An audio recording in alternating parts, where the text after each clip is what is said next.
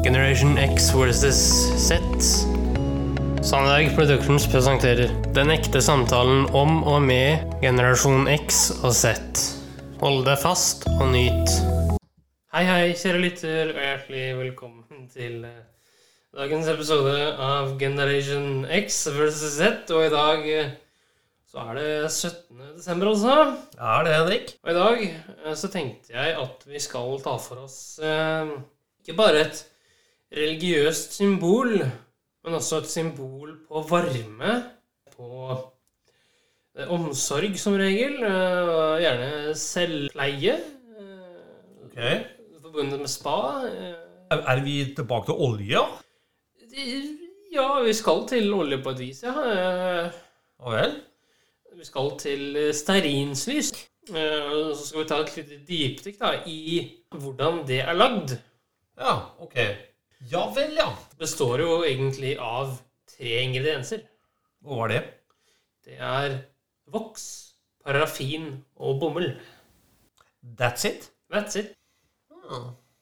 Men det du sa, Henrik, at det var spalignende ting og varme Men da bestemoren din, Henrik, bodde på Hvaler og var ei lita jente, så hadde de ikke elektrisitet. Og da brukte de parafin eller stearinlys for å få lys.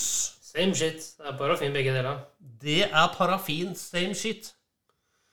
Eh, bare at eh, stearinlys er ganske så miljøfiendtlig å lage. Ja, Hvorfor det egentlig? For man brenner parafin, eller hva skjer egentlig? Nei, man eh, bruker parafin eh, som det brennbare. Er det miljøfiendtlig? Ja. For parafin er olje, så bruker man da voks i tillegg. Eh, Og så har man da bomull, da, eh, som ikke er så miljøfiendtlig, men eh, Ja. Fremdeles ganske miljøfiendtlig. Men bomull, er det da veka, det da, eller? Riktig. Ok, skjønner.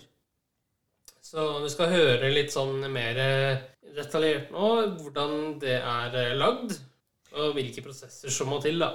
Spørsmålet er, skal vi prøve å lage det sjæl? Eh, jeg som eh, logistikkmedarbeider, eh, Ja. utdannet sådan, Ja. vil si nei. Why not? Komplisert og tidkrevende. Komplisert, ok. eh, det er å prøve. Og så tenker jeg videre at det tar tid. Men nå i jula så kan vi ta oss litt tid. Du må ha mye parafin og mye bomull. Ok. Kan vi gjøre det litt mer enkelt? Og så må du ha mye voks i tillegg. Du må ha mye maskiner. Du kan høre gjennom nå, Ja, 4 minutter og gjerne. 20 sekunder, Ja, av gjerne. hvordan det er lagd. Så kan vi diskutere det igjen. Yes, gjerne. Klin til. Thank you. The heart of every candle is a wick made from woven or twisted cotton cord. To stiffen up that limp cord, they run it through a tank of liquid paraffin, a wax derived from petroleum. The cord then passes over a cooling drum whose cold surface instantly hardens the wax coating. The now rigid cord winds onto a spool ready to be cut into wicks. There are several candle making methods, all of which work on the simple principle that hot wax turns hard and white when it comes into contact with cold air or a cold surface. This process is called candle pressing. The hot paraffin travels from the holding tank to a set of sprinklers inside a six meter high refrigerated chamber. The sprinklers shoot the wax upwards into the cold air. Like falling precipitation transforming into snowflakes, the wax droplets transform into wax flakes. They land at the base of the chamber, then travel to a hydraulic press.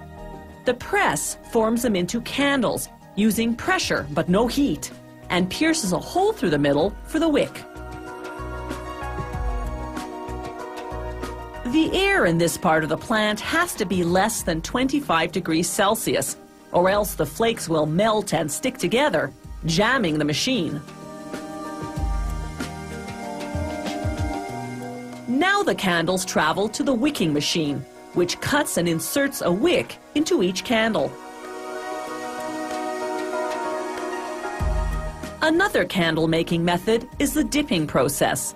They install 96 wicks on each frame of an automated dipping machine. One after another, the frames dip the wicks into a tank of clear paraffin.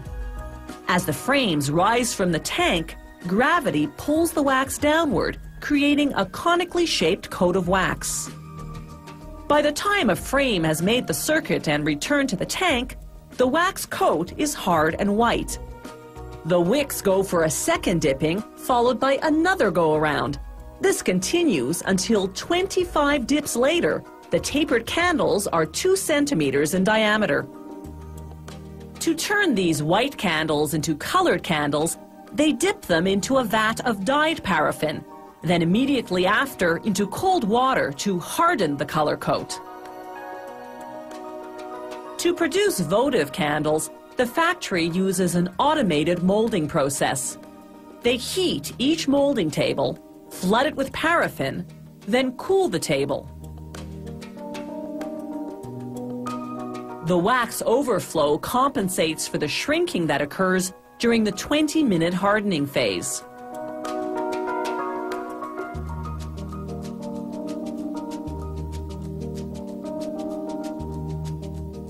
Once the wax hardens, they scrape off the excess and remelt it to use for the next batch.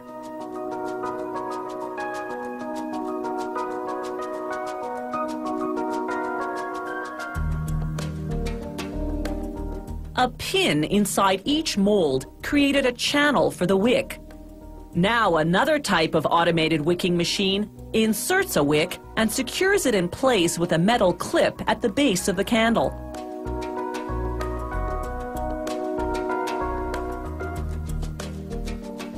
They make certain specialty candles on a manually operated dipper rather than by automated machine. These altar candles are made of paraffin and 66% pure beeswax, as required by Vatican law. To create their cylindrical shape, the worker has to flip the frames after every dip to equalize the wax. It takes 90 dips to build a 76 millimeter diameter. The candles still come out slightly tapered, so they go through a heated die to adjust their shape. No longer just a staple of religion, ritual, or romance, candles today are a hot decorative item. Ja. Eh, interessant det der, Henrik. Vi kan jo prøve, men altså, jeg tenker på den kvaliteten. ja.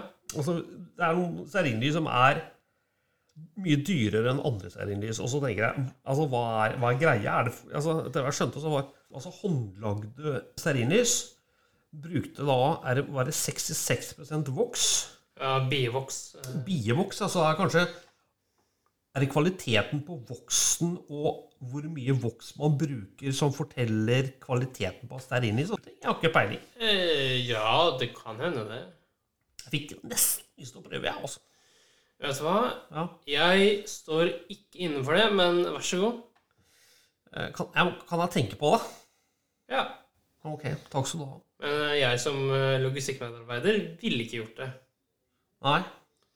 Men du vet åssen jeg, jeg liker å prøve litt forskjellige ting. Vet du. Ja, ja. Henrik, jeg sier tusen takk for uh, informasjon, og tusen takk for, uh, for kreativiteten som vibrerer i hodet på nå. Takk for den, Takket være deg. Ok, jeg eh, aksepterer med takk. Um, ja, så er vi tilbake igjen i morgen, eller? Vi er tilbake igjen i morgen, Henrik. Bra, bra.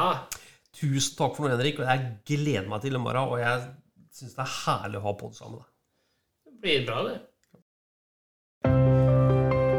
Tusen takk for at du fulgte oss. Gi gjerne tilbakemelding, likes eller kommentar på Facebook-siden vår Generation X versus Z. Velkommen igjen til neste podkastepisode. Hei då!